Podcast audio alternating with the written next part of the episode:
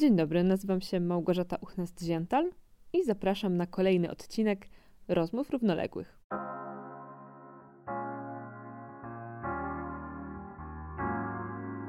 Kosmos wydaje nam się bardzo odległy, tymczasem z przestrzeni kosmicznej korzystamy każdego dnia. Prognoza pogody, nawigacja, telefonia satelitarna to dopiero początek obecności człowieka w kosmosie. Po co udajemy się w kosmos? Czego tam szukamy i co chcemy przynieść z powrotem. O tym porozmawiam dzisiaj z moimi gośćmi. Moim pierwszym gościem jest e, Gordon Wasilewski, inżynier badawczo-rozwojowy w firmie Astronika oraz doktorant w Centrum Badań Kosmicznych Polskiej Akademii Nauk. Dzień dobry. Dzień dobry. E, naszą rozmowę zacznijmy od tego, po co my się w ogóle mm, wyprawiamy w kosmos. Zacznijmy od Księżyca. Czy pcha nas tam e, tylko nieograniczona ciekawość, czy coś jeszcze? Czy tu rzeczywiście to jest temat rzeka, bo o tych powodach, dlaczego w kosmos lecimy, moglibyśmy rozmawiać w nieskończoność. Takim głównym powodem, dlaczego w kosmos lecimy, jest taki głęboko zakorzeniony, głęboko zakorzeniona chęć w naszym DNA do podejmowania trudnych wyzwań i, i e, do tego, żeby przekraczać granice poznania, nie poznania miasta, ale tego, co jest znane i nieznane. E, I kosmos tego, e, tych nisz, które są niezapełnione zarówno w e, nauce, jak i w gospodarce, jak i w takim życiu społecznym, posiada naprawdę niezliczoną ilość. Dlatego to nas do tego tak przyciąga i pociąga. I oczywiście poza tymi aspektami, powiedzmy, natury filozoficzno-biologicznej, istotnym aspektem naszej obecności w kosmosie jest polepszanie życia na Ziemi e, i e, nas samych po prostu jako, jako gatunku. E, jesteśmy w stanie za każdym razem, bo za każdym razem w kosmosie robimy tak naprawdę coś nowego, za każdym razem pokazujemy, że jesteśmy w stanie robić coś precyzyjniej, lepiej. Dzisiaj nawet sobie nie zdajemy sprawy z tego, jak duża część naszego życia jest oparta o kosmos. Życie każdego z nas, olbrzymia ilość danych satelitarnych, lokalizacyjnych, e, czy generalnie całej infrastruktury satelitarnej jest wykorzystywana przez nas na co dzień, a to jest tylko i wyłącznie e, tak naprawdę taki wstęp do tego, co rzeczywiście będziemy mogli robić w kosmosie w najbliższych dekadach, bo nasz rozwój, powiedzmy, takiej gospodarki kosmicznej na razie zatrzymał się na orbitach okołoziemskich. To właśnie tutaj większość infrastrukturę się znajduje, to właśnie tutaj większość jego życia gospodarczego w kosmosie się znajduje. Natomiast w związku z tym, że te, to miejsce, ten obszar jest coraz to lepiej zapełniony gospodarczo, to nasze myśli, nasze koncepcje i nasze działania kierują się w dalsze obszary i tym taką pierwszą przystanią do dalszego podboju kosmosu jest właśnie Księżyc. Z tego powodu, że po pierwsze jest naszym najbliższym obiektem niebieskim, e, całkiem sporym, e, ale też takim, który posiada grawitację, ale całkiem niską grawitację, ale od całkiem niedawna, bo od niespełna 10 czy 12 lat potwierdziliśmy na powierzchni Księżyca obecność naprawdę znacznych ilości wody, ale także innych zasobów, innych zasobów materialnych, które mogą nam pozwolić na to, żeby poszerzyć nasze zdolności eksploracyjne w kosmosie. Te zasoby są przede wszystkim mają być wykorzystywane w kosmosie, nie tak jak w powszechnej opinii. Jeżeli ktokolwiek cokolwiek słyszał o górnictwie kosmicznym, najczęściej myśli sobie o asteroidach, które będą wykorzystywane, wydobywane w kosmosie i wykorzystywane na Ziemi. Natomiast e, dzisiaj o tym może nie w ogóle nie myślimy, ale, ale zdecydowanie to jest na dalszym planie, ponieważ najpierw gwarantować właśnie zrównoważony e, rozwój w kosmosie, e, zrównoważoną i permanentną obecność ludzi i robotów w kosmosie i um, to jesteśmy w stanie zrobić właśnie um, dzięki zasobom kosmicznym, dzięki wykorzystywaniu ich właśnie w miejscu wydobycia i, i, i w innych miejscach Układu Słonecznego. Tyle o Księżycu, ale bardzo dużo misji naukowych zapuszcza się na Marsa. To jest ten krok, duży krok dalej. Mm, czy jest jakaś różnica w tym, czego szukamy na Księżycu i na Marsie? generalnie rzeczywiście programy eksploracyjne różnych agencji kosmicznych celują w różne miejsca Układu Słonecznego i na przestrzeni lat rzeczywiście te programy eksploracyjne zmieniały swoje cele. E, szczególnie ten amerykański program kosmiczny, e, program NASA, e, bardzo często przeskakiwał między celami Księżyc i Mars. Bardzo często zmiana administracyjna zmieniała właśnie ten, ten punkt docelowy właśnie z Księżyca na Marsa albo z Marsa na Księżyc i odwrotnie. I dzisiaj już tak można powiedzieć, że ustabilizowało się podejście Księżyc na Marsa, czyli lecimy na Księżyc po to, żeby podbić Marsa. E, ustabilizowało się nie tylko e, w NASA, ale też od dłuższego czasu. To jest e, pewnego rodzaju taki pogląd innych agencji, między innymi chińskiego programu kosmicznego, który jest niemalże całkowicie nastawiony na podbój Księżyca. Dlatego, że, no właśnie, dlatego, że Księżyc zapewnia nam tych zdolności, dużo łatwiejszych zdolności do tego, żeby, żeby eksplorować dlatego że ma, jest blisko Ziemi, ma niską grawitację, dużo łatwiej z niego uciec, a generalnie ucieczka z ciała e, niebieskiego, takiego jak Ziemia, czy Księżyc, czy Mars, to jest, to jest kluczowa sprawa i w przypadku Ziemi to jest niezwykle ciężkie.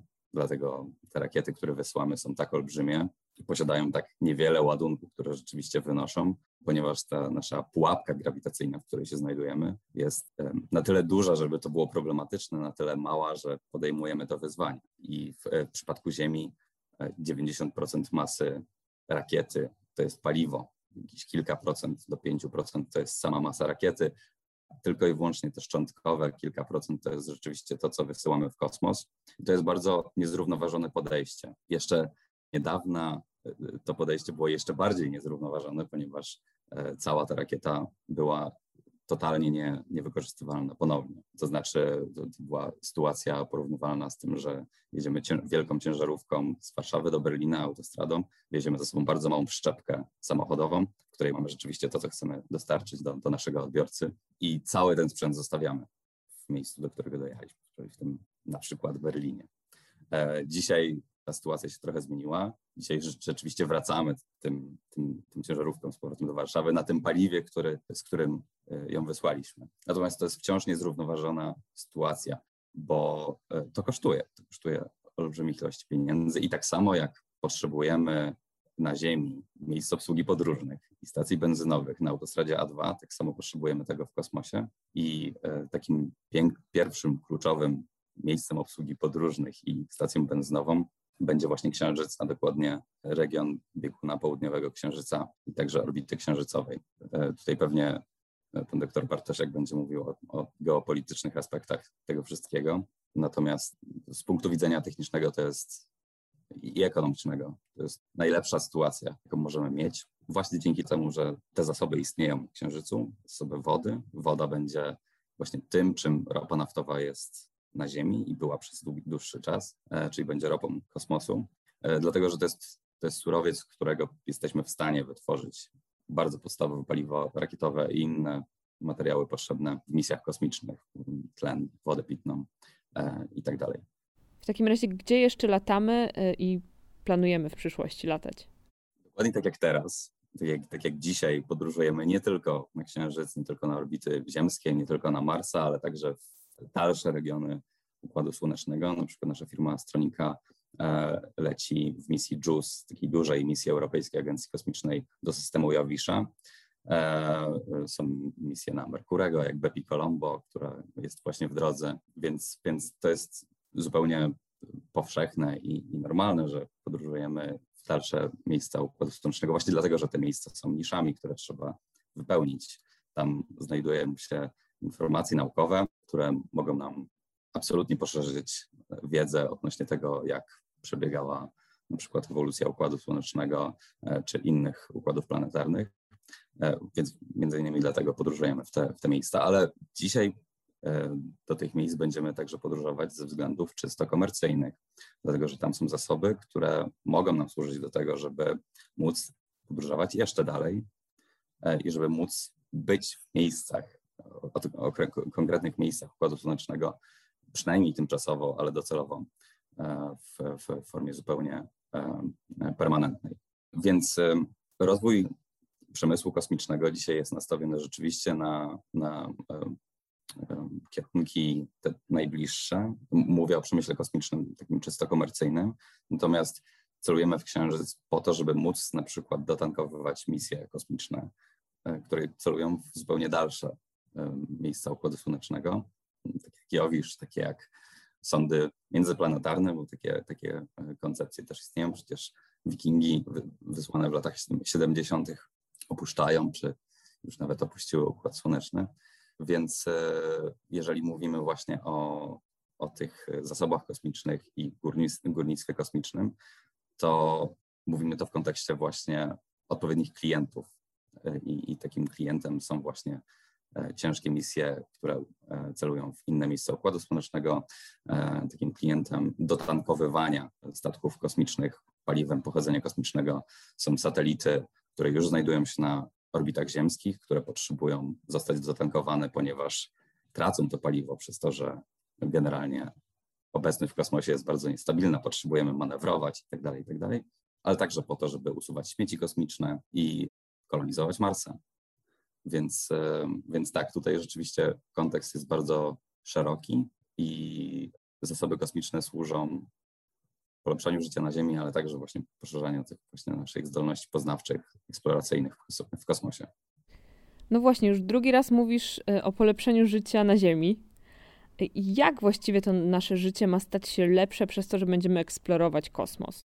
Tak więc jeszcze może wrócę właśnie do tego aspektu związanego z tym, że kosmos jest naszą codziennością, bo właśnie dane satelitarne z tych tysięcy satelitów, które obecnie orbitują Ziemię, a tych dziesiątków tysięcy satelitów, które wkrótce będą orbitować Ziemię, bo, bo e, o takich ilościach mówimy, zapewniają nam informacji o naszej lokalizacji, zapewniają nam nawigację, zapewniają nam możliwości predykcji pewnych aspektów gospodarczych, takich jak na przykład e, szacowania plonów czy szacowania opadów deszczu. Generalnie prognozy pogody zapewniają nam także nawigacji, telekomunikacji, przecież cała telewizja satelitarna istnieje dzięki właśnie satelitom, które są na naszej orbicie, a także dzisiaj, co już jest coraz powszechniejsze i co nawet już można e, zupełnie na, z czego zupełnie na co dzień w miarę e, tanio można korzystać, także internet satelitarny. I, i to jest e, jeden z aspektów tego, że my w tym kosmosie jesteśmy, a dzięki zasobom kosmicznym będziemy w stanie jeszcze, jeszcze bardziej poszerzyć ten, ten element sprawić go jeszcze bardziej efektywnym i jeszcze bardziej długowiecznym. Generalnie misje są całkiem, misje kosmiczne są całkiem długowieczne, szczególnie te, tych ciężkich satelitów i w dużej mierze to, co sprawia, że one przestają być nam użyteczne, to nie jest rozwój technologiczny, który sprawia, że, że te, te elementy są już przestarzałe, e, ale właśnie brak, po prostu zwyczajny brak paliwa na pokładzie tego statku. Pomówmy trochę więcej o górnictwie kosmicznym. E, takie proste skojarzenie, jakie możemy mieć z górnictwem, to wielkie hałdy na Śląsku albo kopalnie odkrywkowe, e, jak ta w Bełchatowie. Mm, a jak będzie wyglądało e, górnictwo na Księżycu? Więc górnictwo kosmiczne tak naprawdę niczym nie powinno się różnić od, od górnictwa ziemskiego. No może poza tymi wieloma dobrymi praktykami, dzięki którym nie będziemy chcieli powtórzyć błędów przeszłości, ale co do zasady nie powinno się niczym różnić. Ale natomiast środowisko, w którym operujemy, jest zupełnie inne, jest bardzo ekstremalne, więc, więc e, też często rozwiązania tego, w jaki sposób chcemy to robić, czy e, tego, jak musi wyglądać maszyna, która będzie, będzie to robić, jest mm, często nieintuicyjne. I tak na przykład mm, górnictwo wody, w, która znajduje się w permanentnie zacienionych kraterach biegunów polarnych na Księżycu, najprawdopodobniej, bo to jest taki główny koncept, który, który teraz rozwijamy, nie będzie polegało na tym, żeby fedrować je, zwiercać e, te pokłady, które są e, zlokalizowane tuż przy powierzchni dna tych kraterów, ale będzie polegało na tym, żeby je po prostu ogrzewać poprzez systemy luster, które będą skupiać światło słoneczne konkretnych miejscach i, i przechwytywać później, e, dzięki, dzięki czemu później będziemy mogli przechwytywać powstałą parę wodną na konkretnych instalacjach. Więc to jest, to jest jeden z przykładów. Natomiast górnictwo odkrywkowe, które jest powszechne na Ziemi, również może być w zupełnie powszechny sposób zaimplementowane w różnych miejscach Układu Słonecznego. Natomiast należy pamiętać, że na przykład grawitacja, która jest w wielu miejscach Układu Słonecznego dużo mniejsza niż na Ziemi, szczególnie na małych obiektach Układu Słonecznego, sprawia, że my nie jesteśmy w stanie wysyłać tam super ciężkich sprzętów, a w tej grawitacji potrzebujemy jeszcze cięższych sprzętów niż na, niż na, niż na Ziemi, więc, więc musimy sobie radzić z pewnymi aspektami środowiskowymi, e, takimi jak zmienne, bardzo ekstremalne temperatury, brak ciśnienia atmosferycznego, czy właśnie niska grawitacja. E, I takie sprzęty, tak, takie technologie powstają w wielu miejscach e, na Ziemi, w wielu instytucjach, w agencjach kosmicznych, a także w firmach prywatnych. I, i tak, i to się dzieje. Czy górnictwo kosmiczne wymaga obecności tam człowieka, czy będą tam pracować maszyny, którymi będziemy tylko z Ziemi zarządzać? Rzeczywiście obecność człowieka jest w pewien sposób zasadniczo ułatwia takie operacje, bo nie wszystkie działania związane na przykład z naprawą czy pewnym zarządzaniem takimi robotami jesteśmy w stanie operować poprzez inne roboty e, czy poprzez tego samego robota. Więc, więc rzeczywiście obecność ludzi zmniejsza ryzyka e, związane właśnie z zepsuciem na przykład takiego sprzętu. No ale obecność ludzi w kosmosie jest olbrzymim ryzykiem dla tych samych ludzi, więc e, tutaj jest potrzebny złoty środek i, e, i także rozwój e, sztucznej inteligencji, która, która pozwoli nam zarządzać tym sprzętem w sposób teleoperowalny z Ziemi, z minimalną ingerencją człowieka, dlatego że to środowisko jest bardzo ekstremalne i szczególnie właśnie na przykład takich dna e, permanentnie zacienionych regionów Księżyca. To jest, to jest środowisko bardzo ekstremalne, tam panują temperatury minus 230 stopni Celsjusza, nie ma tam ciśnienia, jest niska grawitacja, jest bardzo ciemno, e, więc obecność człowieka w takim, takim położeniu, ułożeniu jest, e, jest olbrzymim ryzykiem. Dlatego też wszelkie sprzęty, które teraz projektujemy, wykonujemy, są, są z zasady robotyczne. Powiedz jeszcze, co poza wodą chcemy wydobywać na Księżycu? Więc tak jak na Ziemi olbrzymia ilość konstrukcji jest operowana, e, wykonywana poprzez roboty ziemne, tak samo na Księżycu takim bardzo podstawowym zasobem jest sam regolit, czyli wierzchnia warstwa Księżyca. To jest de facto gleba z e, różnymi, róż, e, różnymi rodzajami skał, która no, może nam posłużyć na to, do tego, aby wykonywać podobne albo nawet te same roboty ziemne, jakie wykonujemy na Ziemi, czyli do budowy dróg, dróg do usypywania e, różnego rodzaju hałd, które pozwalają nam na przykład chronić miejsce lądowania rakiety przed e, e, zapylaniem dalszych miejsc tym właśnie bardzo trudnym dla, dla naszych sprzętów regolitem, który jest bardzo, bardzo taki abrazywny, bardzo drobny, więc regolit jest sam w sobie, jest takim właśnie podstawowym zasobem w wielu miejscach Układu Słonecznego, nie tylko na Księżycu. Natomiast z tego regolitu jesteśmy w stanie też wyciągać te metale, z których te minerały są zbudowane w regolicie. To są głównie tlenki różnego rodzaju metali, e, krzemu, e, glinu, żelaza, tytanu, więc poprzez, poprzez, różnego rodzaju procesy przeróbcze, przykład termochemiczne, jesteśmy w stanie wyciągać ten metal i tlen z tych, z tych tlenków, więc to również może nam posłużyć temu, aby na przykład drukować 3D, czy, czy, czy na przykład do tego, aby, aby później już z tymi metalami, czy z tym tlenem budować. Najważniejszym zasobem księżycowym jest również e, sam tego, że jest nasłoneczniony i to mimo, że jest, jesteśmy w tym samym punkcie Układu Słonecznego de facto, e, to dzięki temu, że jest tam brak atmosfery, na powierzchnię. Na Księżycu dociera całość tego promieniowania słonecznego, więc e, panele słoneczne są tam ultra efektywne.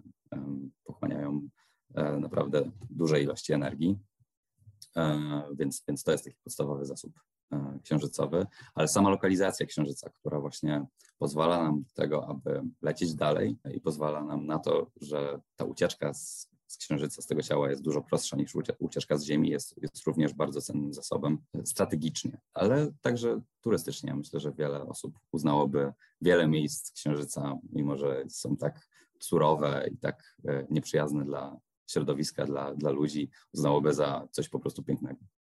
No właśnie, jak już mówimy o pięknym środowisku, to nasuwa się kolejne skojarzenie z górnictwem, czyli szkody górnicze i niszczenie otoczenia.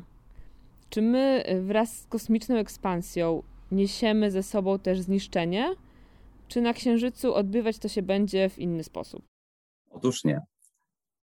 przemysł kosmiczny, czy generalnie eksploracja kosmosu zawsze była na, na czele różnego rodzaju odkryć, na przykład odkryć właśnie związanych z technologiami odnawialnymi, czy generalnie samej gospodarki obiegu zamkniętego. Gospodarka obiegu zamkniętego była tak naprawdę, e, czy generalnie recykling takim zupełnie naturalną koleją rzeczy w kosmosie, dlatego że te zasoby, którymi operujemy, które posiadamy w kosmosie są zawsze bardzo ograniczone, więc my musimy je ponownie wykorzystywać w jak największym stopniu, żeby przeżyć po prostu. Więc e, to między innymi dlatego astronauci na Międzynarodowej Stacji Kosmicznej wykorzystują ponad 90% e, wody ponownie, którą, które, która jest tam dostarczana statkiem kosmicznym, ponieważ to jest ciężkie, to jest trudne, żeby tam dostarczyć i bezsensowne byłoby to po prostu tracić. I każdy gram e, masy, każdy metr sześcienny objętości, każdy wat energii jest w kosmosie po prostu na wagę złota i każdy, kto projektuje misje kosmiczne, kto projektuje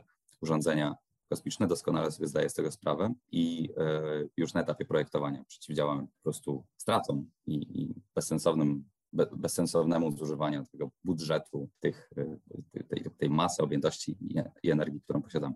Więc także dzisiaj, jeżeli projektujemy już takie bardziej skomplikowane systemy, systemy związane z pozyskiwaniem, wykorzystywaniem e, zasobów kosmicznych, projektujemy je w taki sposób, który, który sprawia, że misja, która E, jest w tym miejscu habitat, stacja kosmiczna jest samowystarczalna, te zasoby się recyklingują i nie ma miejsca na straty, ponieważ straty są też ryzykiem po prostu dla sprzętu, dla ludzi i, e, i po prostu nie ma na to, na to miejsca, więc e, kosmos generalnie jest prowadzony przez naukowców. To głównie dlatego, głównie dlatego nie pozwalamy sobie na to, żeby, żeby doprowadzać do takich sytuacji, jakie często pojawiają się na Ziemi. Oczywiście też w kosmosie, jeżeli chodzi o aspekty środowiskowe, myślimy też o zupełnie innych aspektach środowiskowych. To znaczy w kosmosie nie ma środowiska, jakie znamy, więc, e, więc zupełnie w inny sposób próbujemy przeciwdziałać tym aspektom, które mogą zupełnie w naturalny sposób powstać. Przykład e, głównym problemem środowiskowym na przykład na Księżycu jest właśnie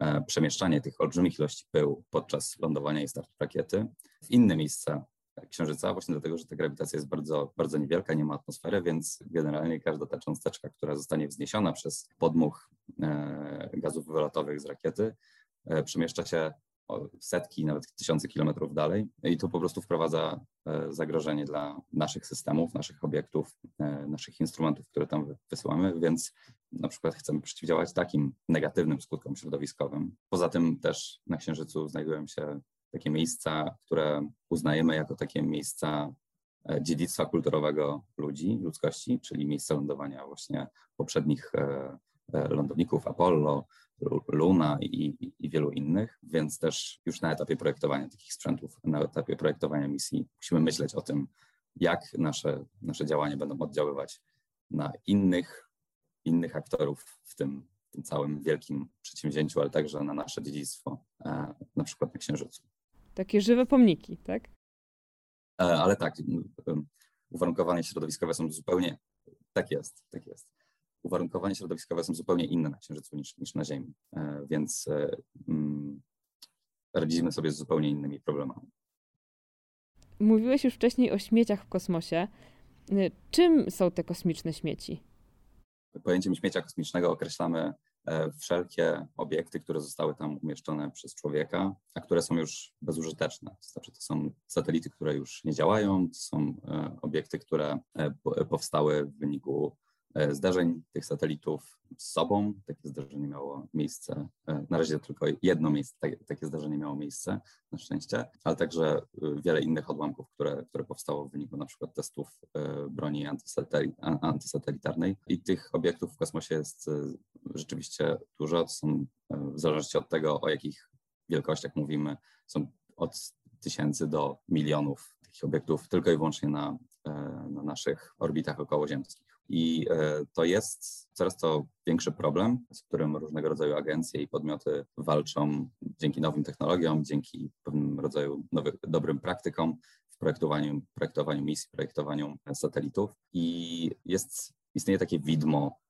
e, tego, że w przeciągu najbliższych kilkunastu, kilkudziesięciu lat trafimy na taki punkt krytyczny, gdzie zderzenie satelitów między sobą, te, te, które są e, aktywne i te, które są nieaktywne, zbuduje taką reakcję łańcuchową, która spowoduje, że tych obiektów powstanie tak wiele, że niektóre orbity wokół Ziemi będą dla nas bezużyteczne, no to jest sytuacja powiedzmy suboptymalna, zarówno ze względu na to, że chcemy eksplorować ten kosmos, ale także na to, że tak duża ilość infrastruktury, z której codziennie korzystamy, jest właśnie tam. Więc tak, dzisiaj podejmujemy wiele działań, między innymi w Polsce, które rozwijają nowe technologie, które będą mogły być wykorzystywane do tego, aby przechwytywać te śmieci e, i sprowadzać je z powrotem na Ziemię, tak aby się mogły spalić w atmosferze. To jest ich naturalny koniec i naturalne rozwiązanie tego problemu. Rozwijmy trochę ten temat. Y, jakie są zagrożenia takiego nieokiełznanego przyrostu śmieci kosmicznych dla nas? Tak? Dla ludzi, którzy zostają na Ziemi i żyją na Ziemi, i dla tych, którzy będą lecieć w kosmos. To jest przede wszystkim problem, dlatego że rzeczy w kosmosie podróżują z, e, z, olbrzym, z olbrzymimi prędkościami. Więc nawet niewielkie obiekty są w stanie wyrządzić olbrzymich szkód, więc w momencie, kiedy jesteśmy na takiej trajektorii kolizyjnej z obiektami, które już są na orbitach, które zapewniają nam wielu strategicznych i właśnie gospodarczych, społecznych możliwości, jakie, jakie posiadamy teraz, czyli właśnie internetu, nawigacji, czy, czy to może E, doktor Bartosiak będzie o tym mówił, o satelitach szpiegowskich e, i tak dalej, e, to ta, ta cała infrastruktura jest wówczas zagrożona, więc zagrożona jest taka nasza stabilność codziennego życia, ale jeżeli chcemy uciec z tego kosmosu i z, z, tej Ziemi do kosmosu, na przykład z dużą misją naukową, albo turystycznie, albo właśnie podróżując w kierunku Księżyca w misji Artemida, w programie Artemida, w którym teraz pracuje NASA i amerykańskie podmioty, ale także europejskie, to to może być trudniejsze, czy to może być bardziej ryzykowne. Nie ma oczywiście stuprocentowej szansy na to, że zderzymy się z takim obiektem, ale ta szansa jest, a to jest olbrzymie ryzyko, no bo nie, nie chcemy stracić e, zarówno istnień ludzkich, naprawdę niezwykle bystrych i niezwykle inteligentnych ludzi, ale, ale także tego sprzętu, który kosztuje często miliardy dolarów. Więc już dzisiaj właśnie próbujemy sobie radzić z tym problemem, właściwie przeciwdziałać temu problemowi ale to jest trudne niestety, e, między innymi dlatego, że takim, takim skutkiem tego, że dostęp do kosmosu jest teraz coraz to bardziej otwarty na różnego rodzaju podmioty i na kapitał prywatny. Dzięki temu tych obiektów wysyłamy naprawdę olbrzymie ilości, co no, jest takim obosiecznym mieczem, bo to zapewnia nam dużo większych możliwości tego wykorzystywania tych danych satelitarnych nawigacji i telekomunikacji na Ziemi, no ale właśnie też powoduje ten, generuje ten problem związany z śmieciami kosmicznymi. Powiedz jeszcze trochę więcej o sprzątaniu. E, mówiłeś, e, że najlepiej, kiedy takie satelity po prostu się spalą, ale w jaki sposób e, po pierwsze wybiera się te, które powinny się spalić, i po drugie, jak przeprowadza się ten proces, żeby nie naruszyć tych satelitów, których używamy? Aktywne satelity działają bardzo aktywnie, znaczy aktywnie zmieniają swoją trajektorię i korygują swój kurs po to, żeby być w konkretnym miejscu na orbicie bądź na konkretnej orbicie. I robią to właśnie zużywając paliwo, więc e, o to nie musimy się martwić. Te systemy są, są e, zagwarantowane, aby, aby tam zostać przez czas swojej żywotności. Natomiast wszelkie nieaktywne obiekty e, w zupełnie naturalny sposób spalają się w atmosferze Ziemi, dlatego że atmosfera spowalnia te obiekty i te obiekty coraz to bardziej obniżają swój, swój poziom, swoją orbitę i coraz to bardziej przybliżają się do Ziemi. Natomiast obiekty, które są bardzo daleko e, za orbitami geostacjonarnymi, to jest powyżej 2000 km nad Ziemią, takie obiekty są już na końcówce swojego, swojego życia. Takie satelity są wysyłane na orbity cmentarne, które są nieużywane po prostu przez nas i w, gdzie możemy upchnąć naprawdę znacznych ilości tych nieaktywnych obiektów jeszcze przez długi czas i one nie będą problematyczne. Rozmawialiśmy o teraźniejszości, trochę o przyszłości. Mm, teraz czas na uruchomienie wyobraźni. Wydaje mi się, że dziś lądowanie na księżycu człowieka y, nie zrobiłoby już na nikim aż takiego wrażenia jak y, w 1969 roku, kiedy to naprawdę było olbrzymie, imponujące osiągnięcie. Co Twoim zdaniem byłoby kolejnym takim wielkim krokiem, y, który może już nie w telewizji, ale w w internecie, na streamingu oglądalibyśmy dzisiaj z zapartym tchem y, jako taki kolejny ważny krok w historii ludzkości. Ja, ja się nie zgodzę z tym, że samo lądowanie na Księżycu nie byłoby czymś, co byłoby wiralne i, i oglądane przez miliony ludzi.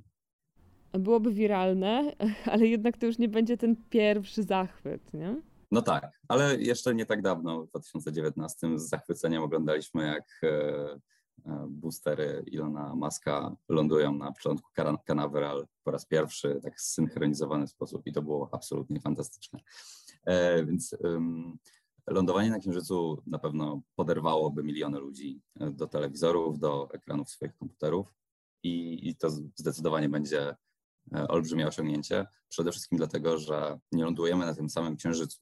Znaczy, to, to, nie jest tak, że ten księżyc się zmienił przez ten czas, ale e, misje Apollo lądowały w regionach równikowych, natomiast teraz uderzamy w regiony polarne, w których absolutnie trudniej jest wylądować, z których absolutnie trudniej jest uciec. Więc, e, więc zdecydowanie to będzie przekroczenie granic naszego poznania. Też istotne jest to, że generalnie powrót ludzi, e, czy powrót na Księżyc nie jest taki prosty. Wówczas w latach 60., 70.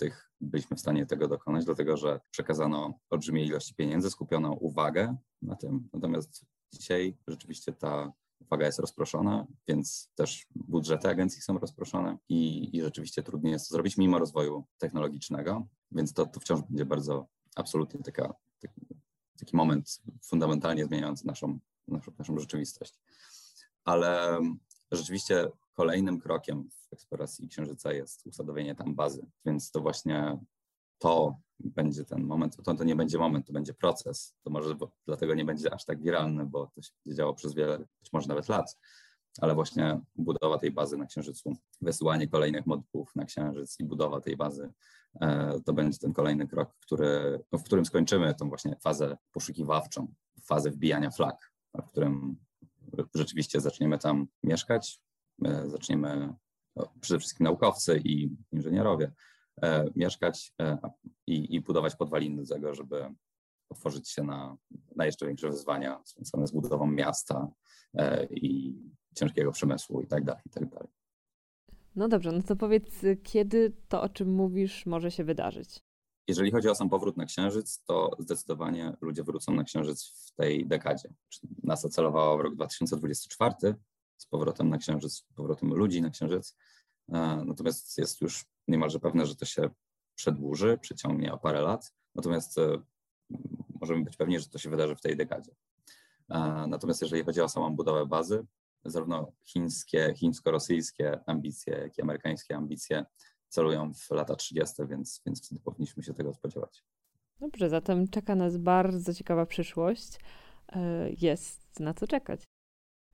Bardzo dziękuję. Moim gościem był Gordon Wasilewski. Dziękuję bardzo. Inżynier badawczo-rozwojowy w firmie Astronika oraz doktorant w Centrum Badań Kosmicznych PAN. Dziękuję.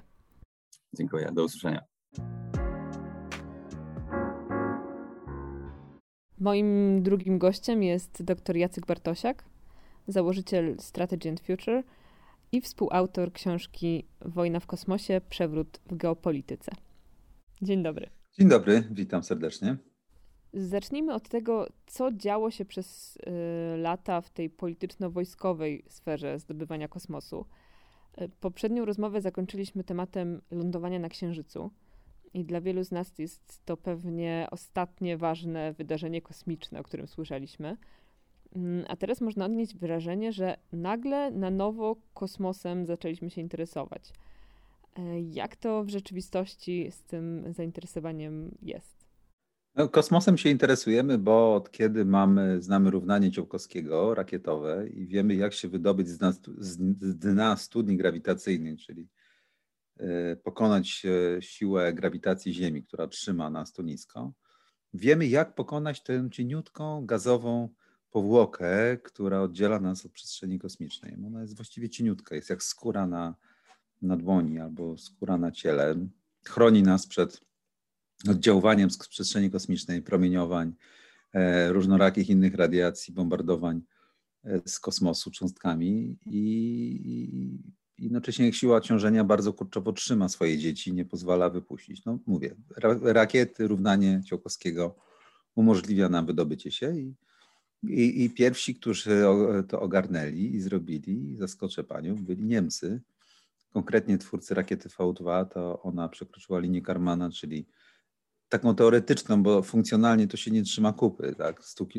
to jest takie teoretyczne przyjęcie, że granica kosmosu to jest 100 kilometrów, linia Karmana, takiego węgierskiego, pochodzenia węgierskiego naukowca od jego nazwiska. Funkcjonalnie jak gdyby inaczej się liczy kosmos, o czym możemy porozmawiać też, ale no jest to 100 kilometrów magiczne. No i człowiek wojną wszedł w kosmos, wszedł wojną po to, żeby bombardować Londyn, Brukselę i Paryż i weszli Niemcy, tak, rakietą V2, która była arcydziełem tamtego czasu. I, i, i, I potem kosmos e, e, stał się bardzo ważny w czasie zimnej wojny, również z powodu wojny, bynajmniej nie z gospodarki. Otóż okazało się, że strony potrafiły konstruować rakiety balistyczne, czyli takie rozwinięcie rakiet V2. Rakieta balistyczna polega na tym, że wchodzi w przestrzeń kosmiczną takim lobem i potem, i potem ląduje gdzieś w jakimś punkcie na Ziemi. Musi też pokonać w związku z tym linię Karmana i, i lecieć z prędkością e, e, taką, żeby wyjść ponad tą atmosferę. I, i, I, chodzi o to, że w kosmosie musiały znaleźć się satelity, które by wykrywały, byłyby odpowiedzialne za detekcję tych rakiet, po to, żeby uruchomić automatyczną odpowiedź, odpowiedź drugiej strony, tworząc w ten sposób równowagę strachu, równowagę strategiczną, że ty we mnie strzelisz, to ja cię też zniszczę, zachowując sobie prawo odwetu. No i w ten sposób kosmos e, równoważył, równoważył e, no, tą grę nuklearną, był czynnikiem stabilizującym. Przy okazji okazało się, że latanie na orbitach, na niskich, e, można robić zdjęcia, zwłaszcza po zestrzeleniu V2, e, przepraszam, tego U2 samolotu szpiegowskiego. Okazało się, że może lepiej byłoby e, wysyłać coś, co robi zdjęcia z kosmosu, poza zasięgiem w ogóle przeciw, no, przeciw, przeciwlotniczych. No i powstały satelity. Problem polega na tym kiedyś, że trzeba było zrobić te zdjęcie i je zrzucić na spadochronie, wywołać. Nie było techniki digitalnej. No ale już się zaczęło. Tak? Nie, nie, potrafiono w czasie rzeczywistym przerabiać tego, był cały proces obróbki. Na przykład w czasie wojny Jom Kippur Amerykanie na bieżąco nie widzieli, co się dzieje na, na, w postępach izraelskich albo wcześniej egipskich. Mieli opóźnienie mniej więcej takie jak długość wojny. E, trwała, zanim to się wszystko wydarzyło. No i odpowiedzią na to również było już w latach 70. i 80. technika digitalna, która pozwalała prawie w czasie rzeczywistym, czy szybko przynajmniej, e, transmitować te dane. I pojawiła się zaczątki nowej ery, czyli transmisja danych w kosmosie. Pojawiły się satelity komunikacyjne na geostacjonarny, czyli tej odległej orbicie o 36 tysięcy kilometrów od powierzchni Ziemi, telewizja satelitarna, przekaźniki i tak. Okazało się, że łączność unika krzywizny Ziemi, system satelitów e, w kosmosie może z sobą komunikować i można rozmawiać globalnie. I mniej więcej w tym momencie zastał nas koniec e, zimnej wojny. Oczywiście były jeszcze wahadłowce kosmiczne, bardzo drogie, zarówno amerykański program wahadłowców, jak i rosyjski, sowiecki, Buran, które miały też tak naprawdę wojskowe aplikacje, bo w ładowniach miały przenosić małe satelity, ale też pociski antysatelitarne po to, żeby e, niszczyć tak, oczy przeciwnika. Zimna wojna skończyła się mniej więcej w takim momencie, gdy Reagan e, w sławnym swoim przemówieniu powiedział, że chce zbudować system wojen, wojen gwiezdnych, które byłyby składały się z tak zwanych lśniących oczu i błyskotliwych kamyczków. Tak to się nazywało, czyli Brilliant Pebbles and uh, Brilliant Eyes. E, mianowicie te byłyby systemy detekcji rakiet balistycznych i później systemy laserowe. Później okazało się, że lasery są niemożliwe przy obecnym poziomie technologii w kosmosie, to, to przy pomocy ultraszybkich pocisków, e, e, kontrpocisków, antypocisków, po to, żeby niszczyć te rakiety balistyczne sowieckie. No i oczywiście technologicznie było to trudne, wpędziło to w Sowietów wyścig zbrojeń niesamowity, zbankrutowali no ale Amerykanie też nigdy nie byli w stanie do, doprowadzić do końca tego projektu, też przestali robić. No i potem mamy koniec zimnej wojny.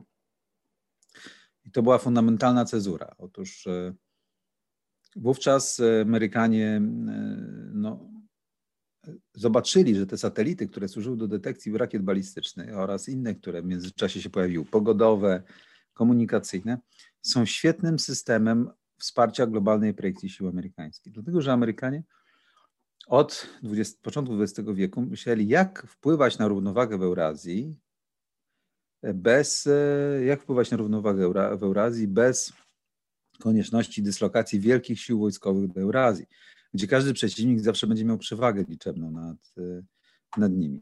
No i okazało się, że tymi wspaniałymi mnożnikami współczynnika siły są satelity, bo one widzą, one tak, widzą, słyszą, podsłuchują i mówią.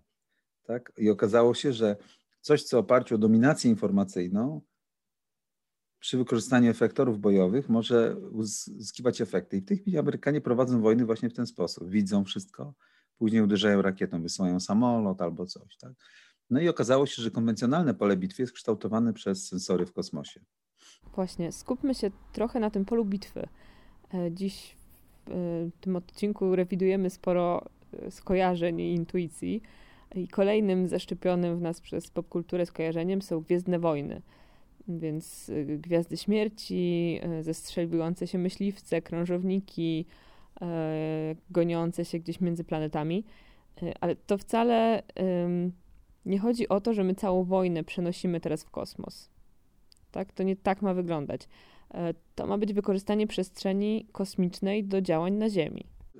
No, generalnie zawsze tak jest, pani. To jest tak, jak, jak, jak 500 lat temu portugalscy i hiszpańscy żeglarze odkrywali e, Ocean Atlantycki, to też odkrywali to po to, żeby dostać się do złota Indii i Chin, e, później dostać się do handlu niewolnikami.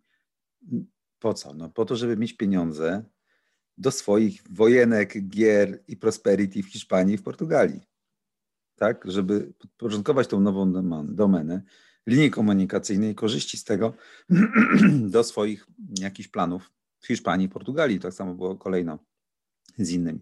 W procesie stworzyli nową gospodarkę opartą o ocean światowy. I tak samo będzie z kosmosem, bo E, tak jak powiedziałem, nie było zasadniczo gospodarki e, w czasie zimnej wojny w kosmosie. No trochę już tam telewizje satelitarne, transmisje z Mistrzostw Świata i tak dalej, ale nie było. W ostatnich latach się to zmienia.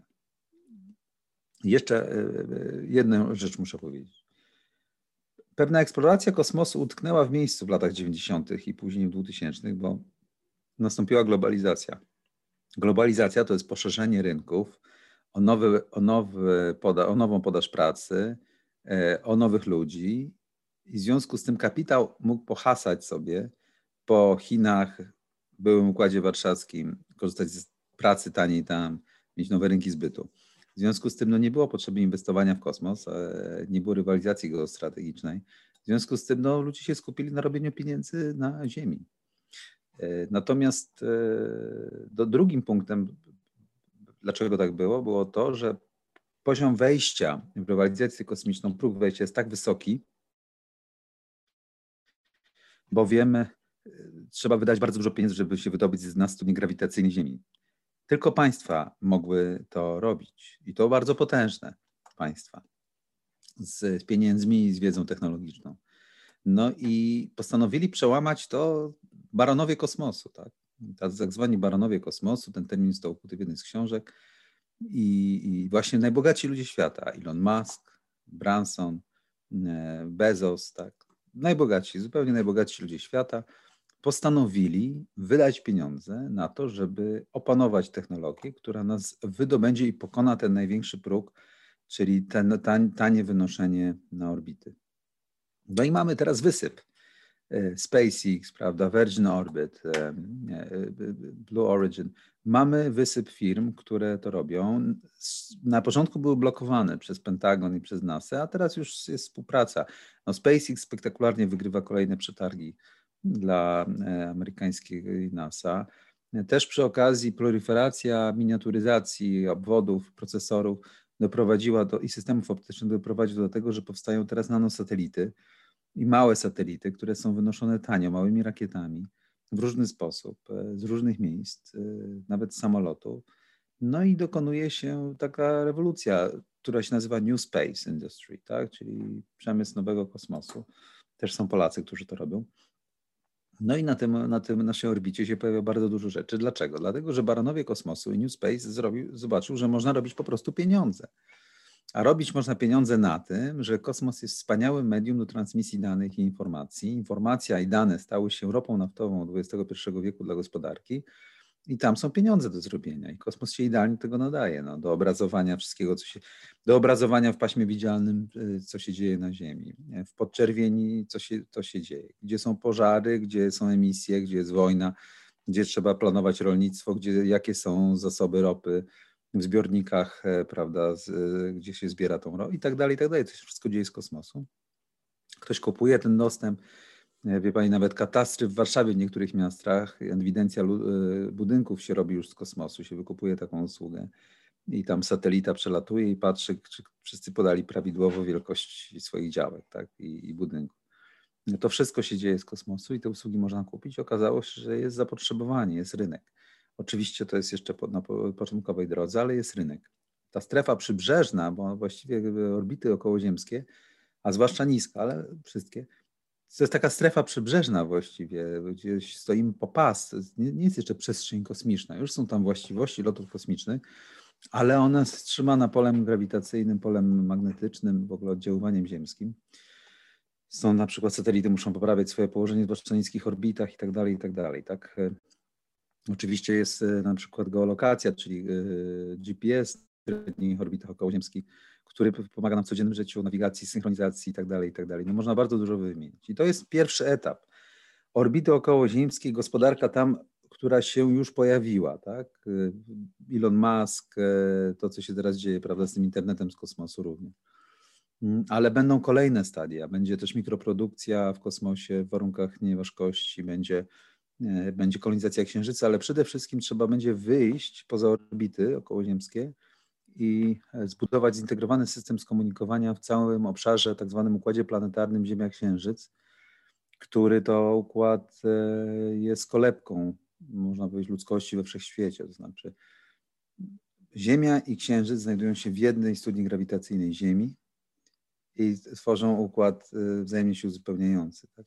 W loku są pozycyjnym i to jest nasz, to jest nasz dom kosmiczny dom we wszechświecie i, i on będzie kiedyś podstawą. On jest też w jednym tak naprawdę unicie y, komunikacyjnym, bo opóźnienie komunikacji na Księżyc jest bodajże 1,20 chyba 6 sekundy. W związku z tym można jeszcze rozmawiać y, przez telefon. Można sobie polecieć na kontrakt na Księżyc i cały czas dzwonić do rodzinki i w ciągu trzech dni wrócić, tak? E, zapytać jak zdrowie, transmisję mieć y, na Zoomie, i, i zobaczyć, jak czy żyją, tak? Wszystko w porządku. No to nie będzie tak na Marsie. I, i na, nawet y, już nie mówiąc o zewnętrznej części, o zewnętrznych planetach Układu Słonecznego za linią mrozu, tak? za, za pasem asteroid. No i to jest, y, i to jest ten punkt, ten punkt ciężkości. I raz, że jest tam w związku z tym wojna, bo globalna projekcja siły zależy od, amerykańska zwłaszcza, od systemów w kosmosie. No i nowa gospodarka się tam wytwarza, a nowa gospodarka jest potrzebna do tego, żeby móc wojować i jednocześnie się to wzajemnie uzupełnia. Jak się tworzy nowa gospodarka i nowy rynek, to muszą być zasady, które to regulują. Jak, się, jak są zasady, jest nowy rynek i są ludzie, którzy robią pieniądze, mówię ludzie w tym sensie, że to mogą roboty tam latać, ale ludzie czerpią korzyści z tego, to musi być kawaleria albo policja, która trzyma porządek. No i dlatego Trump powołał w grudniu 2019 roku siły kosmiczne USA, żeby, żeby tego pilnować. I one rozszerzają właśnie teraz, gdy rozmawiamy, swój obszar zainteresowania do całego obszaru, który się nazywa Cislunar, czyli tego całego dualnego układu planetarnego Ziemia-Księżyc, a nie tylko do e, orbit okołoziemskich, do czego zdążyliśmy się przyzwyczaić, że właściwie kosmos to są orbity okołoziemskie, tak? Międzynarodowa Stacja Kosmiczna, jakieś tam satelity, oglądanie, telewizja i tak dalej, i tak dalej. Jest to obszar oczywiście dużo, dużo większy, bo e, no, jest 10 razy dalej niż te orbity geostacjonarne na Księżyc. A jeżeli chodzi o wolumen 3D, to, to jest to ogromny obszar. Tak? to jest miejsce, gdzie gdzie będziemy to eksplorowali pewnie, a siły kosmiczne USA chcą być hegemonem tego obszaru, tak jak, nie wiem, flota portugalska, hiszpańska, brytyjska była hegemonem, kolejna oczywiście, tak, czy niderlandzka była hegemonem Oceanu Światowego i robiła pieniądze i miała dominującą pozycję na nowej gospodarce zależnej od transportu towarów przez ocean. Pomówmy jeszcze o technologii, która umożliwiła tę eksplorację. Mówił Pan już o miniaturyzacji, która umożliwiła taki skok technologiczny, ale co jeszcze się zmieniło? Co takiego się wydarzyło, że tak kolejna rewolucja kosmiczna stała się możliwa? Przede wszystkim wydaje mi się, że musiała się pojawić rywalizacja geopolityczna, która powoduje innowacje tak, między Chinami a USA i wyścig w kosmos. E, I to mamy. Tak? E, musiały się pojawić nowe technologie związane właśnie z miniaturyzacją e, przepływu informacji i to się dzieje, tak? To się dzieje w tempie geometrycznym. Teraz najważniejszą rzeczą jest wynalezienie sposobu taniego wydobywania się na orbity tanio. I nad tym pracuje właśnie spektakularny Elon Musk i inni, po to, żebyśmy mogli jak najtaniej i wielorazowo, kiedy chcemy, jak samoloty, latać na orbity. To dlaczego w takim razie te wielorazowe rakiety pojawiły się tak późno? Bo jak mawiał Elon Musk, wszyscy mówili, że to jest jedyna możliwość, albo że nikt nie pomyślał o tym, bo takie były pieniądze. Że czasami tak jest, że nie można przełamać tej, tej inercji. No i Elon Musk pokazał przy pomocy różnych rakiet wcześniejszych, ale teraz też Starshipa, że y, daje radę, że da radę tak, to zrobić. I no i czekamy na, na lada moment booster Starshipa ma, ma, ma startować. Starship już tam gdzieś tam z jakimiś wadami, ale pokazuje te zdolności. E, gdy, jeżeli on dojrzeje jako konstrukcja i będzie to robił, mogąc wynosić ponad 100 ton cargo według zapewnień SpaceX, to jest to jedną trzecią więcej niż C-17 Galaxy, główny y, samolot transportowy sił powietrznych USA który jest w stanie przewieźć 130 żołnierzy, prawda, i sprzęt. E, I e, Starship będzie koniem roboczym, jak, nie wiem, jak C-3 Dakota w czasie wojny światowej e, i będzie przywoził na orbity, budował i tak dalej. Już abstrahując od tych lotów na Marsa, bo o których Elon Musk mówi, dla mnie ten Starship jest przede wszystkim niesamowitym, potencjalnym koniem roboczym, który zbuduje nam na orbitach instalacje, tak? I będzie tanio przywoził rzeczy. Jeżeli się uda pokonać ten problem i możliwość, wie pani, że latuje, leci za kilka minut już jest na orbicie, coś tam zostawia, wraca. Ładowanie paliwa i znowu, tak jak samoloty na lotniskach, no to będziemy mieli rewolucję. Już nie mówiąc o tym, że taki sam Starship może być świetnym samolotem, bo no, spełniać funkcję samolotu. No, samolotem nie będzie, czyli może wystartować i wylądować za 40 minut w Tokio. Wystartować z Warszawy, wylądować w Sydney za 40 minut. Bo atmosfera ziemska powoduje ograniczenia prędkości, tak? Ale wyjście w kosmos powoduje, że trzeba mieć pierwszą prędkość kosmiczną, czyli powyżej 20, około 28 tysięcy km na godzinę. No i z taką prędkością się przesuwamy w kierunku Sydney, tak? A potem lądujemy tam. E, też można zobaczyć to na YouTubie, bo Musk i SpaceX robili taką prezentację. E, także ten kosmos może być tym medium, które spowoduje również, że będziemy szybciej podróżować na Ziemi. A więc cały ten kosmos, jak ocean światowy, służy Ziemi. Z czasem się, możemy też o tym porozmawiać, pójdziemy dalej, bo człowiek zawsze chce wyżej, mocniej i tak dalej. Możemy sobie też zrobić taką gradację, jakie są następne kroki i, i co jest tym, tym czymś następnym. Tak? Zanim przejdziemy do przyszłości, porozmawiajmy jeszcze o Księżycu. Mówił Pan w wielu wywiadach, że w 1969 roku e, człowiek na Księżycu był ze względów prestiżowych. Mm, a teraz w projekcie Artemis człowiek ma wrócić na Księżyc i ma to być kobieta oraz osoba o innym kolorze skóry niż biały. E, czy w takim razie Artemis to kolejny program prestiżowy, czy coś więcej?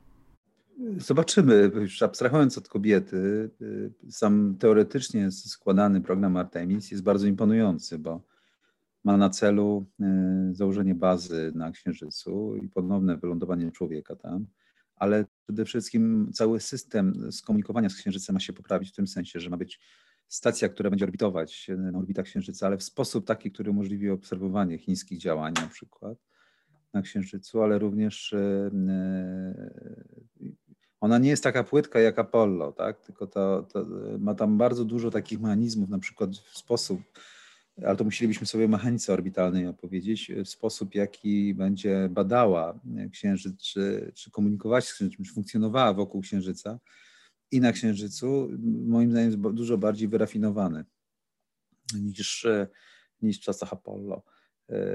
Także też nie przywiązywałbym się specjalnie jakoś, że kobieta czy mężczyzna czy coś, tylko rzeczywiście ma to na celu realne kolonizowanie Księżyca w tym sensie, że zobaczyć, co tam jest i opanować skomunikowanie tam na stałe. Zwłaszcza, że jest rywalizacją z, z chińskimi planami, które są bardzo ambitne i to zwłaszcza na niewidzialnej stronie Księżyca, która jest, która jest ciekawsza. Przede wszystkim dlatego, że jej nie widzimy bez e, punktu libracyjnego L2 w układzie Ziemia-Księżyc, który, dzięki któremu możemy dopiero transmitować dane, bo jest taki lok, że Księżyc jest niewidoczny tak, z tamtej strony dla, dla nas Ziemian. E, a tam jest ciekawie, tak, i tam Chińczycy e, planują.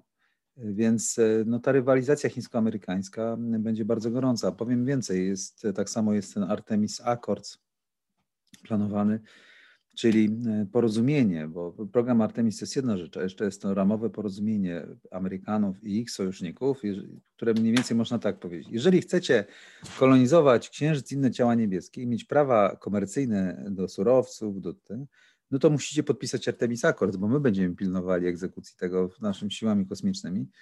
E, no i wiesz, jeżeli wy Włosi będziecie chcieli kopać coś na Księżycu, no to będzie tak zwany deconflicting, czyli metoda radzenia sobie z, z rozwiązywaniem konfliktów e, i będzie to wasze. Tak? Czyli tak naprawdę stwarza to furtkę, jest, jest wyłomem w prawie międzynarodowym, bo, bo nie wolno tak, sobie na własność, zgodnie z prawem międzynarodowym, zgodnie z traktatem, nie wolno na własność sobie y, fragmentów ciał niebieskich. A tymczasem, a tymczasem Amerykanie, no, też ustawa w kongresie przeszła też w podobnym duchu, chcą jednak, dlatego że uważają, że bez nagrody za ryzyko firmy nie będą chciały inwestować w eksplorację na przykład minerałów na Księżycu. Ja uważam, że mają rację, bo nikt nie chce inwestować od, po prostu dobro ludzkości. Pamiętamy komunizm, wszystko miało być wspólne, prawda, płot wspólny, wszystko wspólne i to nic nie działało. Amerykanie to pchają, ale faktem jest, że będzie to wywołało konflikt. Tak? No i niestety na tym polega natura człowieka i dlatego jest wojna i są siły zbrojne, bo realizacja własnych interesów yy, zgodnych z naturą, tą niespokojną naturą, ekspansywną człowieka prowadzi do konfliktów. No właśnie, czy księżyc jest taki istotny tylko dlatego, że jest nam najbliższy i nie mamy innego wyboru? Czy są jeszcze inne przyczyny, dla których latamy właśnie tam? Księżyc to jest nasz brat bliźniak, właściwie dziecko. Jedyne ciało niebieskie w bezkresie kosmosu, blisko nas. Jedyne ciało niebieskie, na którym można naprawdę postawić stopę. Oczywiście są małe asteroidy jeszcze i tak dalej, E, ale blisko Ziemi jest tylko Księżyc. Jest naprawdę blisko, bo jest zaledwie 300 średnio, bo to się zmienia, prawda, ale 385 tysięcy kilometrów od Ziemi to jest bardzo blisko. E, to jest naprawdę blisko. To jest tylko 10 razy dalej niż orbita geostacjonarna, na której są satelity i to bardzo dużo. E, I ten księżyc jest jednocześnie, jeżeli musimy sobie porozmawiać trochę o mechanice orbitalnej. Mechanika orbitalna i w ogóle zasady ruchu w kosmosie, a ruch jest y, przede wszystkim tworzy strukturę strategii, no bo generalnie dzięki ruchu, możliwości ruchu tworzą się strategie. Otóż w kosmosie nie poruszamy się tak jak na Ziemi, dodając siły, żeby się poruszyć. W kosmosie wszystko się porusza w kierunku siły grawitacji z wielkimi prędkościami. A żeby zmienić kierunek albo zastopować, musimy użyć siły, więc jest odwrotnie, jest kontrintuicyjny. I w kosmosie ruch polega na wykorzystywaniu siły grawitacji i poruszaniu się między dolinami i wzgórzami grawitacyjnymi. Chodzi o to, że jeżeli sobie wyobrazimy, że Ziemia jest na dnie studni, pewnego takiego stożka, bo masa Ziemi jest duża, w związku z tym ciągnie wszystko do siebie w tym księżyc i nie wypuszcza satelitów i tak dalej, to żeby nie wpaść z powrotem na Ziemię, trzeba się poruszać z prędkością kosmiczną, okrążać ciężar, punkt ciężkości grawitacyjny, tak? Dlatego satelity latają dookoła Ziemi, a Księżyc się też porusza, tak? I chodzi o to, że mm, Ziemia jest na dnie studni grawitacyjnej, a Księżyc jest w kierunku szczytu studni grawitacyjnej. Jeszcze się ona kończy tam, gdzie jest punkt ciężkości, znaczy kończy się tam, gdzie jest, kończy się ciężar grawitacji, Ziemi jeszcze za Księżycem, ale jest na zboczu, na wyniosłym wzniesieniu nad Ziemią. Księżyc jest w dużo dogodniejszej pozycji astropolitycznej niż Ziemia. Gdybyśmy mieli już gospodarkę w kosmosie i urządzenia na orbitach okołoziemskich i byśmy budowali na przykład pierścień orbitalny albo windę orbitalną albo jakieś habitaty do produkcji czegoś, tak? To najprawdopodobniej produktami, z których byśmy budowali, surowcem byłby z, Księżyca. Nawet nie tylko dlatego, że tam są żelazy, ale dlatego, że, że jest strasznie będzie drogo wynosić e, tutaj nasze surowce z Ziemi na orbity nawet okołoziemskie, co kosztuje 22 razy więcej energii niż po prostu sprowadzenie z Księżyca, wysyłanie procą e, specjalną taką wyrzutnią w dół studni grawitacyjnej jest zrzucanie rzeczy w kierunku orbit e, okołoziemskich. Więc w związku z tym ten Księżyc będzie miał podstawową funkcję przemysłową dla Ziemi. W przypadku budowania cywilizacji w, układzie planetarnym. Będzie źródłem surowców, będzie śląskiem kosmosu, będzie zagłębiem rury kosmosu, tak? będzie Apalachami kosmosu, tak? będzie zagłębiem donieckim kosmosu. Również właśnie są tam surowce, jest też prawdopodobnie woda na Księżycu, a jeżeli jest woda, to znaczy, że będzie można produkować paliwo kosmiczne do napędów chemicznych. Mało tego, ze względów e, przekonań głównie ludzie nie stosują napędu jądrowego, e, żeby startować z Ziemi i poruszać się tutaj na orbitach, ale na, od niewidzialnej strony Księżyca i dalej w kierunku planet e, wewnętrznych Układu Słonecznego nie będą mieli takich oporów, bo napęd jądrowy daje niesamowity, niesamowicie większy impuls właściwy, czyli można powiedzieć taką jednostkę, jednostkę energii większą niż to, co mamy teraz z napędami chemicznymi. I prawdopodobnie wielkie e, takie transporty cargo do asteroid w kierunku Księżyca i tam będzie baza przeładunkowa, jakiś terminal. Tak? Łatwiej z Księżyca się lata dalej w Układ Słoneczny. Księżyc nie ma atmosfery. Księżyc ma bardzo małe przyciąganie. Księżyc, nie mając atmosfery, można startować z Księżyca w każdą stronę. Nie trzeba tak jak na Ziemi, że pionowo, żeby jak najszybciej przebić tę atmosferę i potem dopiero uzyskiwać prędkość lateralną, tylko od razu można pod każdym kątem. No i wojskowo e, była też no, taka książka Luna to surowa pani. Teoretycznie, bo teraz nie ma jeszcze takiej technologii, jeżeli ktoś kontroluje księżyc, jego niewidzialną stronę i ma działa laserowe, ma katapulty elektromagnetyczne, to może kontrolować cały ruch, cały ruch na niskich orbitach Ziemi, średnich orbitach Ziemi, geostacjonarnej orbicie Ziemi cały ruch w przestrzeni planetarnej układ Ziemia, Ziemia Księżyc i niszczyć pojazdy, tak? albo ustalać zasady, zasady gry. I dlatego Księżyc jest, ma takie bardzo ważne, bardzo ważnym jest miejscem. Także, no i oczywiście te, te surowce, o których powiedziałem. To śledzi chiński program kosmiczny, bo oni mają zamiar wszystko to przetestować. No jeszcze oczywiście na niewidzialnej stronie księżyca jest tak, że nie widać co tam jest. I tam mogą być cuda i wianki. I w pewnym momencie one mobilnie mogą się przesunąć i coś strzelić w kierunku Ziemi, naszych orbit, tak? E, niszcząc na przykład nasz system internetowy. E, to oczywiście brzmi jak science fiction, ale zapytała mnie Pani o uwarunkowania, e, na czym polega znaczenie Księżyca. No właśnie na tym, no to jest właśnie na tym, że jesteśmy w układzie dualnym i, i ten Księżyc ma bardzo, jest, jest przypomina wysuniętą pozycję na wyniosłym wzgórzu, może nie u samego szczytu, ale e, gdzieś tam przy wzgórzu, a Ziemia jest na dole. Wspomniał Pan już o Chinach i o rywalizacji amerykańsko-chińskiej.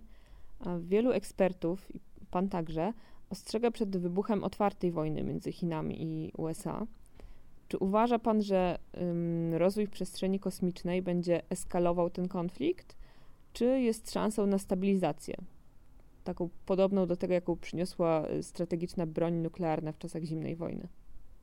Myślę sobie, że kosmos będzie destabilizował układ, dlatego że y, kontrola kosmosu, orbit y, okołoziemskich, kiedyś Księżyca, ale też przede wszystkim opanowanie trzech takich przełomów technologicznych. Samolotu prawdziwego, który będzie startował, miał duży impuls właściwy i lądował sobie kiedy chce, przechodzi przez mezosferę. Przy okazji opanowania lasera e, i opanowanie, stworzenie systemu detekcji pola, pola walki ziemskiego, ale w kosmosie, tak? Pociski hipersoniczne, jak latają, wszystko widzimy i strzelamy laserami, spowoduje, że kto będzie kontrolował orbity okołoziemskie, będzie, będzie w stanie teoretycznie zdekapitować przeciwnika w ciągu kilku godzin, zanim ten zdąży w ogóle coś zrobić. Będzie pokusa wykorzystania tego jako przewagi geopolitycznej. Tak? W związku z tym jest to destabilizujące z punktu widzenia tego, że wchodzimy w wyścig zbrojeń, bo, bo jeżeli na przykład Chińczycy będą się martwili, że Amerykanie mają taką przewagę, bo mają pociski hipersoniczne, kiedyś lasery i mogą precyzyjnie zniszczyć całe dowództwo w Pekinie, przywódców wojskowych i wszystkie centra dowodzenia, i w związku z tym siły zbrojne będą bezsilne, bo tak zwane C2 zostanie zniszczone, to wówczas e, no, pojawi się próba hedgingu, czyli zrobienia, żeby tak nie mogli zrobić. Też chcemy mieć w kosmosie, też chcemy mieć przeciwko nim. Amerykanie się wtedy coś zaniepokoją, że ci wymyślają coś innego przeciwko nim tak po prostu cały czas tak wyścig. Zmierzając powoli do końca, spróbujmy e, odnieść to wszystko, o czym mówiliśmy, do codzienności. E, czy ta rozpoczęta już nowa rewolucja kosmiczna mm, da też coś nam, tak? Czy przyniesie jakieś zmiany w życiu mieszkańców Warszawy, Kalisza, Opola? Czy my odczujemy jakoś te zmiany? Nie wiem, czy my odczujemy, bo nie wiem, czy się załapiemy na rewolucję oceanu kosmicznego, tak? My. Na, znaczy, na pewno odczujemy, tylko czy będziemy czerpać z tego korzyści. Bo to, że może będziemy mieli internet, że ktoś nam będzie dostarczał, będziemy za to płacić marżę, to, że będziemy mogli korzystać z owoców produkcji mikrograwitacji, bo od kogoś będziemy kupowali, kto to będzie robił, to jest jedna rzecz. Albo będziemy od kogoś kupowali zobrazowanie satelitarne zamiast mieć własne. Ale pytanie, czy sami skorzystamy. I to jest też bardzo ciekawa rzecz, dlatego że kosmos premiuje państwa średnie, to znaczy on jest bardzo blisko, jest na wyciągnięcie ręki, jest dużo bliżej niż ocean światowy. E, jeżeli pani nie jest tylko w Warszawie, bo w sumie nie wiem, gdzie pani siedzi w czasie rozmowy ze mną. We Wrocławiu. No, to proszę sobie wyobrazić, że ma pani dużo dalej do mnie, a jestem w Warszawie, niż no, mamy kosmos. Także ja mam bliżej w kosmos i pani niż, niż do siebie. I, I, innymi słowy, każdy jest sąsiadem kosmosu. Państwa od, barierą tylko, która e, odgradza nas, nie jest geografia, tylko jest technologia i możliwość jak gdyby skorzystania z tego. No i to jest, to jest klucz dla nas. Na jakie technologie w takim razie jeszcze czekamy? W, po, w, po, w Polsce czy na świecie? To zacznijmy od Polski. No, powinniśmy mieć własne, własne systemy satelitarne na niskiej orbicie i z downlinkiem i uplinkiem i centrum y, kontroli i dowodzenia tym, tak? Po to, żeby móc dla gospodarki narodowej kontrolować te jak gdyby produkty czy usługi, które te satelity by świadczyły. Natomiast. E, Może zanim pan e, przejdzie do świata, e, czy nasz udział w tej rewolucji i w zdobywaniu księżyca jest w ogóle możliwy? Możemy, pod, możemy podpisać Artemis Accords i nasze firmy poszczególne mogą wziąć udział w kontraktach dla Amerykanów i tak dalej. Tak, możemy. I bardzo chcą te firmy, ale w Polsce jest blokada, bo bo po prostu już mniejsza z tym. Dobrze, to przejdźmy w takim razie do technologii światowych. Na co czekamy? Na to, żeby Starship poleciał na pewno i stał się dojrzałą technologią, czyli żeby było rakiety wielorazowego użytku. Kiedyś czekamy na pełnokrwisty samolot e, kosmiczny, który będzie startował horyzontalnie, startował, lądował, wracał sobie, ruszał się w ten i z powrotem, czyli żeby miał bardzo długi impuls właściwy, najlepiej kilkukrotnie większy niż obecnie 300-400 sekund może do tego jest potrzebny nowy napęd, e, nowe źródło napędu, na przykład na metaliczny e, wodór przykładowo, tak. E, I to bym, na to czekamy przede wszystkim moim zdaniem, tak. Tylko to może być odległe, no może fuzja, fuzja jądrowa, tak. A na co czekamy, jeśli chodzi o dalszą ekspansję? Jakie są kolejne kroki?